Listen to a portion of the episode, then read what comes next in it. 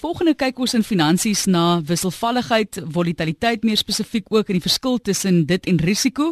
Ons gaan later daarop fokus en hoe jy dit moet verstaan, die definisie daarvoor, maar eerstens kyk ons na beleggers se korttermyn ingesteldheid en ek sê nou eerstens maar voordat ek by eerstens eerstens kom, wil ek eers vir jou vra Marius Kreer, baie welkom hier in die ateljee. Dit is van PSG waar hy saam met ons kuier. Ons sien nou die gebeure van die klagte wat gelê word deur um, teen minister Pavin Gordhan, uh, die impak wat dit reeds op die rand het. Ja, die rand was vanoggend by 13.90 en ek sien hy's op 14.23. So ewe skielik is dit 3% en natuurlik is dit nou nie die einde nie. Ehm um, ek sien hy moet in die hof wees, ek dink die 2 November as ek dit reg verstaan. So uh dit gaan 'n baie onseker tyd wees en ehm um, dit is nou nie goed nadat ons het nou nie daaroor gepraat nadat hy 'n week of twee terug in New York was en gesê het maar alles is redelik kalm ook wat die politiek betref. So dis weer 'n nuwe 'n nuwe ding wat uitgespring het vanoggend en uh ja, dit is maar net 'n rede hoekom uh ons oor wissel, wisselvalligheid praat vanoggend en ook uh oor diversifikasie later in die program. Is daar 'n direkte impak sover op jou aandele? Ja, definitief. Ek sien ehm uh, met baie van die aandele het uh, finansiële aandele het 'n bietjie geval vanoggend ehm um, van die aandelepryse. Ek sien Capitec is af na so R667 toe. Ehm um, die die uh, kommoditeite is sterk op. Uh, ek het nog nie die rede daarvoor nie. Maar uh ja, ek meen oor die oor die aandelebeurs sal bietjie reageer, maar ek dink dis die rand sal meer reageer natuurlik. Ons ons effekte gaan ook sal ook reageer, sal ook negatief reageer. So ehm um, dit is die tipe van risiko wat ons het in die land op die oomblik en uh, ons weet nog nie hoe dit gaan uitspeel en daarom is er mense in 'n situasie waar wat net gesê het wat die diversifikasie is maar in die orde van die dag as mense dit nie het nie en jy het net 'n soos ons sê 'n eenrigting wetenskap om al jou geld in 'n spesifieke siening te sit dan is die risiko baie hoog. Maar ek wil 'n bietjie vanoggend praat oor ehm um, beleggers se korttermyn ingesteldheid. Ek dink dit die Engelse woord wat hulle gebruik is shortism uh mense is ongelooflik kort korttermyn ingestel omdat nuus so vinnig en so gereeld na mense kom. As mens na die effekte trust maatskappye kyk, dan word hierdie fondse al uh, deesdae word hulle weekliks hulle prestasie gemeet, maandeliks en nou sien die beleggers sien 'n uh, sy belegging wat dan nou in sy portefeulje is en die gedeelte van sy portefeulje is wat lanktermyn is, kom ons sê 5 tot 7 jaar en hy begin dit op 'n maandelikse basis meet en hy kom agter maar uh weet miskien sou ek dan nou in hierdie tydperk dalk beter gedoen het in 'n geldmark of in 'n vaste deposito. Uh en nou begin hulle wonder moet 'n mens nie nou die geld skuif na een van hierdie ander beleggings wat nou oor die kort termyn beter doen nie. Uh en natuurlik daar's 'n klomp gevare aan Martelies as ek miskien net so 'n bietjie kan praat oor 'n paar van die goed. Uh want die oomblik as 'n mens nou beweeg van jou jou portefeulje en jy verkoop risikobates wat in jou portefeulje is, jou tipiese langtermynbates soos eiendom en aandele. Daar's 'n kapitaalwins ter sprake. So jy gaan kapitaalwinsbelasting betaal as jy dit onttrek. En dan gaan jy na 'n um, ehm, belegging toe waar jy rente gaan verdien. Die rente is belasbaar, so mense moet nou die sommetjie maak om te sê maar wat is my nabelaste opbrengs? Want baie keer sê die mense nou vir my maar hulle kan byvoorbeeld 10% by die bank kry. Maar daai 10% is rente. Met ander woorde daai rente gaan belas word en as jou marginale koers 35% is dan beteken dat jy kry 6.5% in jou sak. Ehm um, en natuurlik wat jy ook natuurlik doen is jy vat jou bates alles in rande en skuif dit alles na rande toe en as iets soos vanoggend gebeur, het jy nie verskansing nie en ons weet as die rand baie gaan verswak na 16 of 17 of 18 en ek sê nie dit gaan nie, maar as dit gebeur, wat gebeur met inflasie? Alles wat ons gebruik word ingevoer. Baie van die items wat ons gebruik word ingevoer. Ewe skielik gaan jou inflasiekoers op en jy sit met 'n 6.5% opbrengs. En dis die gevaar van korttermyn denke van korttermyn reageer.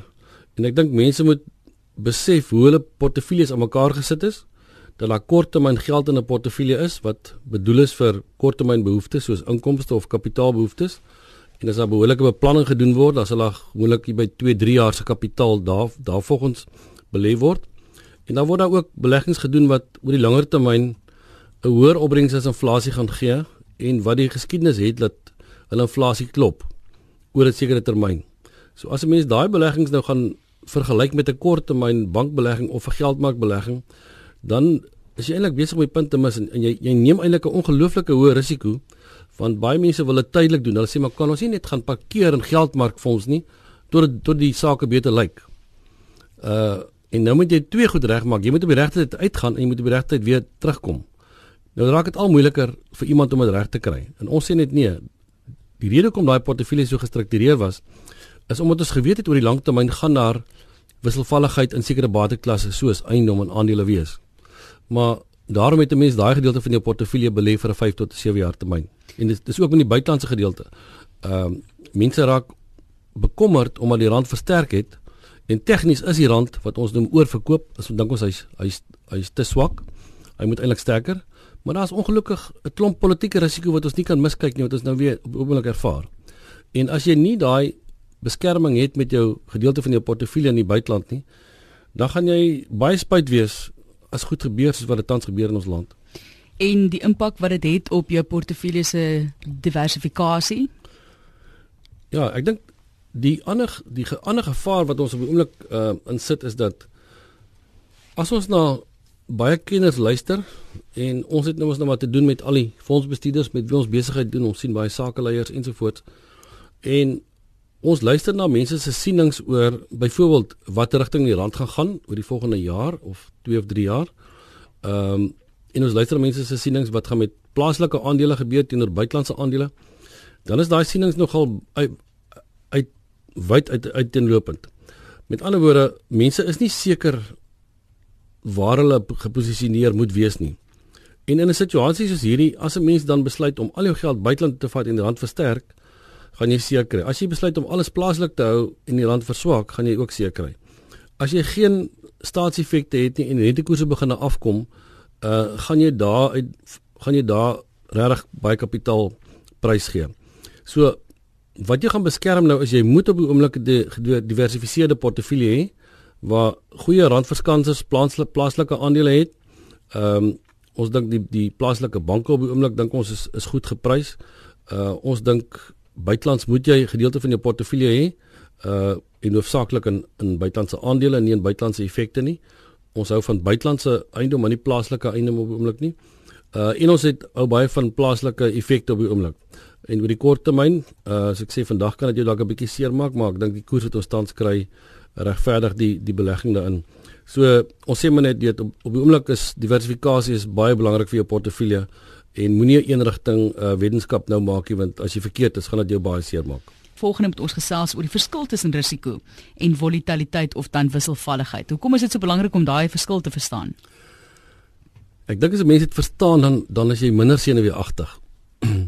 uh risiko ek wil nie 'n definisie gee van risiko maar risiko wanneer ek risiko neem dan dan het ek eintlik 'n geleentheid om my kapitaal kan te verloor. Ander risiko word gemeet aan die mate wat ek het om my kapitaal te kan verloor. Dit onder die belegging wat ek gedoen het kan verdwyn. Dat die maatskappy kan bankrot gaan of die gebou uh, bestaan nie meer nie of wat ook al. Wat ek al iets ek het iets gedoen wat my totale bate kan uitwis. Dit is dit is wat risiko impliseer. Volatiliteit is nou 'n lelike woord en ek sal miskien wisselvalligheid gebruik wat nie die Engels is vir die Engels is dit nou beter. Ehm um, Dit beteken ek het 'n bate wat in prys verander, maar nie omdat sy waarde verander het nie. Om omdat omstandighede of sentiment in die wêreld verander het. Met ander woorde, as ons nou sommer 'n voorbeeld gebruik van aandele. Ehm um, Capitec Bank se aandeleprys Januarie maand was R429. Sy hoogtepunt voor dit was 680. Hy het gister op R696 gedraai. Met ander 50% hoër. Het die bank 50% meer wins gemaak as Januarie maand? Nee. Het hy 50% beter bestuur as Januarie maand? Nee. Dis dieselfde bate wat jy gehad het, maar omdat sentiment op daai stadium negatief in die wêreld is en iemand besluit hulle verkoop aandele teen alle koste, ehm um, en onthou net 'n aandeleprys word bereken teen die laaste dag se verhandeling. Het sy dit twee aandele of drie aandele is wat verhandel is en een persoon wat dalk net 'n paar aandele het wat gesê het maar hy raak nou bang hy wil net verkoop teen enige prys. Dis ongelukkig die, die dag se verhandelingsprys en dit is waar teen jou hele jou hele belegging jou gedeelte van jou belegging wat in daai bate is word nou gemeet teen daai spesifieke dag. Dit is so goed jy sit jou huis elke dag in die mark ehm um, Martelies en ek is seker jy gaan elke maand gaan jy 'n ander aanbod kry. Dit verander nie die waarde van jou huis uh oor die langtermyn nie. Ehm um, jy weet oor die langtermyn gaan jou huise waarde op. Al beteken dit iemand bied jou nou hierdie maand minder aan vir jou vir jou huis as wat jy laas maand lank aangebied is. En risiko beteken ek gaan koop 'n aandeel en baie mense sal miskien die naam Brainware onthou. Dit was 'n aandeel wat in die om en by die ehm um, hoogtepunt van die inligtingstegnologie bubble borrel ehm um, aan die orde van die dag was en almal het dit gekoop en net vir een rede die aandeel het gestyg. Die mense het nie geweet waaroor waaroor gaan die aandeel nie, wat se wins maak hy. Mense het nie navorsing gedoen, hulle het gehoor by die braaivleisvuur en miskien by die golfklub dat hierdie ou het nou 50% gemaak in hierdie aandeel en nou gaan koop ek hom ook. En ek dink hy het die van 50 sent af na R6 toe gegaan en toe later het hy heeltemal net verdwyn. Met ander woorde, daar het ek risiko geneem dat ek my kapitaal kan verloor en ek het my kapitaal verloor. Ehm um, as ek 'n bank so Standard Bank besit, ek weet die bank gaan nie môre verdwyn nie. Ek weet sy aandeleprys kan afkom, maar ek weet ook dat hierdie bank oor baie jare sy wins groei en sy dividend groei. En solank 'n maatskappy meer wins maak en meer dividende betaal, gaan sy prys oor die langtermyn op. Dis hoekom ons vir vir kliënte in hulle portefeuilles aandele koop en eiendomme koop. Want eiendom gee vir jou 'n inkomste stroom wat elke jaar verhoog en met tyd gaan dit die bates se onderlinge prys ook verhoog. En ek dink as mense dit verstaan, dan gaan jy nie paniekerig raak as jy sien jou portefeulje is hierdie maand 1% laer as wat hy laas maand was nie.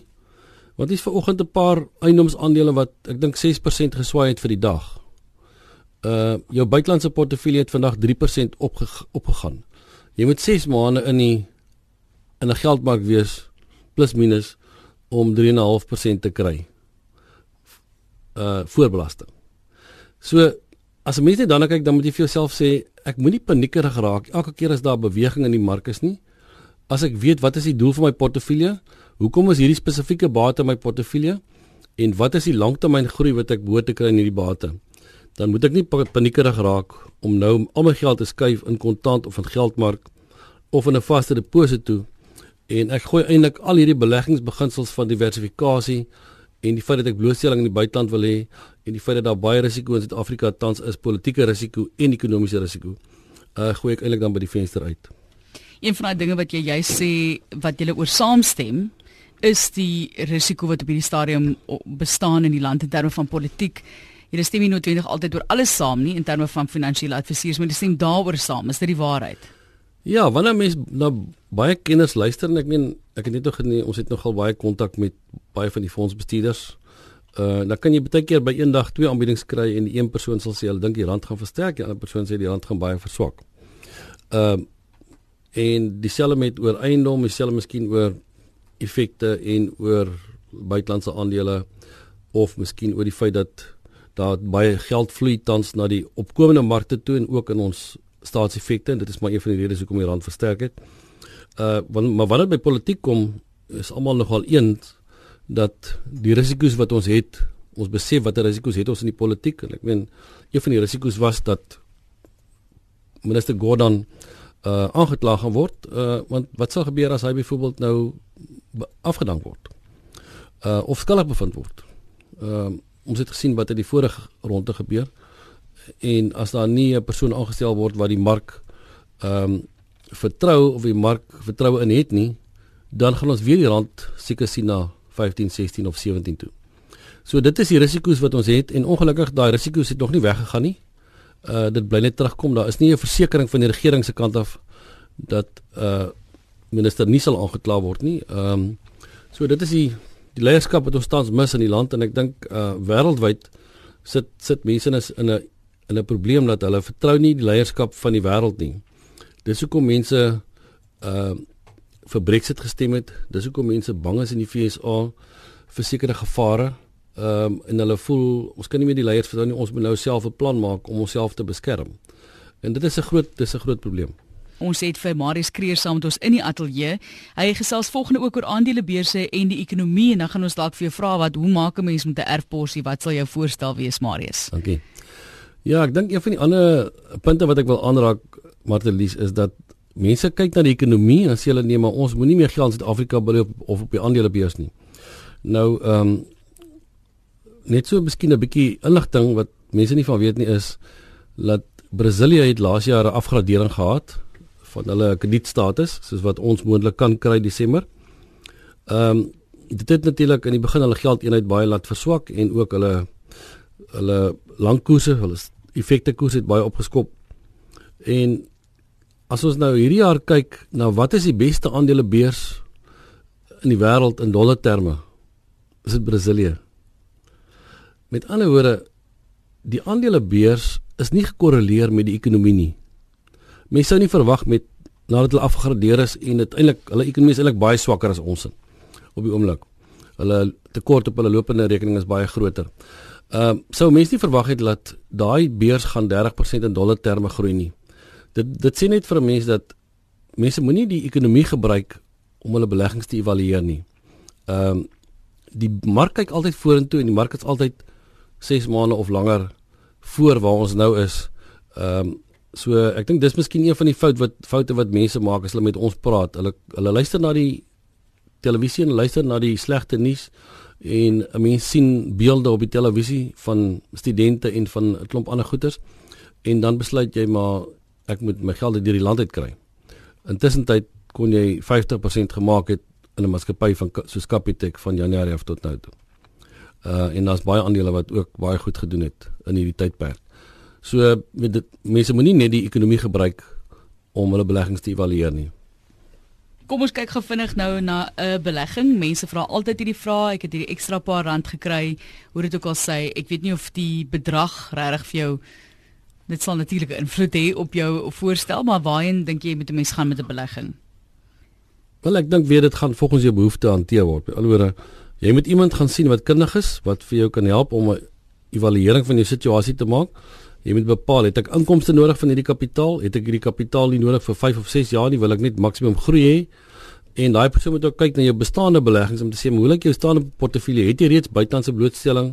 Uh is jy reeds wat soos wat die adviseur sal besluit of saam met jou besluit as jy reeds volop jou buitelandse belegging of het jy nog geen buitelandse blootstelling nie? Dis 'n klomp goed wat 'n mens moet besluit voor jy kan sê die belegging gaan pas vir die kliënt. Daar's nie iets soos 'n bele beste belegging. Party van die mense geld behoort in 'n geldmarkfonds. Party van die mense langtermyn geld behoort in aandele, party van jou geld behoort in buitelandse aandele te wees, buitelandse eiendom. Party behoort in staatseffekte te wees afhangende van die termyn en die en die siklus waarin jy is. En en dit daai inligting moet iemand vir jou deurgee en jou help om die regte besluit te maak om jou portefeulje aan te pas uh volgens jou behoeftes by hierdie elemente. Nou kyk, mense het dalk bietjie meer inligting nodig. Iemand sê vanaf Januarie verlies op kapitaal, geen opbrengste of belegging. Hoekom? Is die vraag. Nou jy het seker meer inligting ja, as dit weet, nodig. Ek meen ons aandelebeurs het in totaal het 2.4% gedoen van Januarie af. Ehm um, eiendom was negatief geweest. Ehm um, so het hang af waar jou geld gewees het. So weet nou kan jy sê maar jy my gemiddeld die afgelope 5 jaar was 12%, maar Jan van Januarie af tot nou toe was omtrent niks geweest nie. So dit is so. Maar watter gedeelte van jou portefeulje dit veroorsaak? As dit die langtermyn gedeelte van die portefeulje is wat in elk geval belees vir 5 jaar, dan moet jy dit dit moet jou nie dood bekommer nie, want dit is so gedoen omdat mense weet daar kom siklusse, daar kom slegte tye, daar gaan tye wees wat jou geld maar beter gaan doen as jou aandele oor 'n 6 maande of oor 'n 3 maande of oor 'n tydjie 'n jaar termyn. Maar dit dit beteken nie jy moet nou probeer slim wees en uitspring en inspring in die mark nie, want niemand niemand is slim genoeg om dit reg te kry nie. Dis Marius Kreer wat so gesels van PSG en ek hoor 'n uh, voeltjie fluit julle gaan in Mosselbaai ook nou 'n draai begin maak. Ja, uh, ons is dan binnekort daar by Voorbaai gaan ons 'n kantoor oopmaak. Ons is net besig om die kantoor reg te kry. Ons wil seker amptelik Januarie daar wees, maar ons sal seker November al sigbaar wees. En uh ja, dis vir ons lekker in die in die tuinroete in die in die Suid-Kaap. So ons ons brei uit en dit gaan baie goed. En jou kontakbesonderhede vir die wat graag met jou wil gesels? Uh 0861 348190. Hulle kan vir my e-pos stuur marius.kreer@psg.co.za.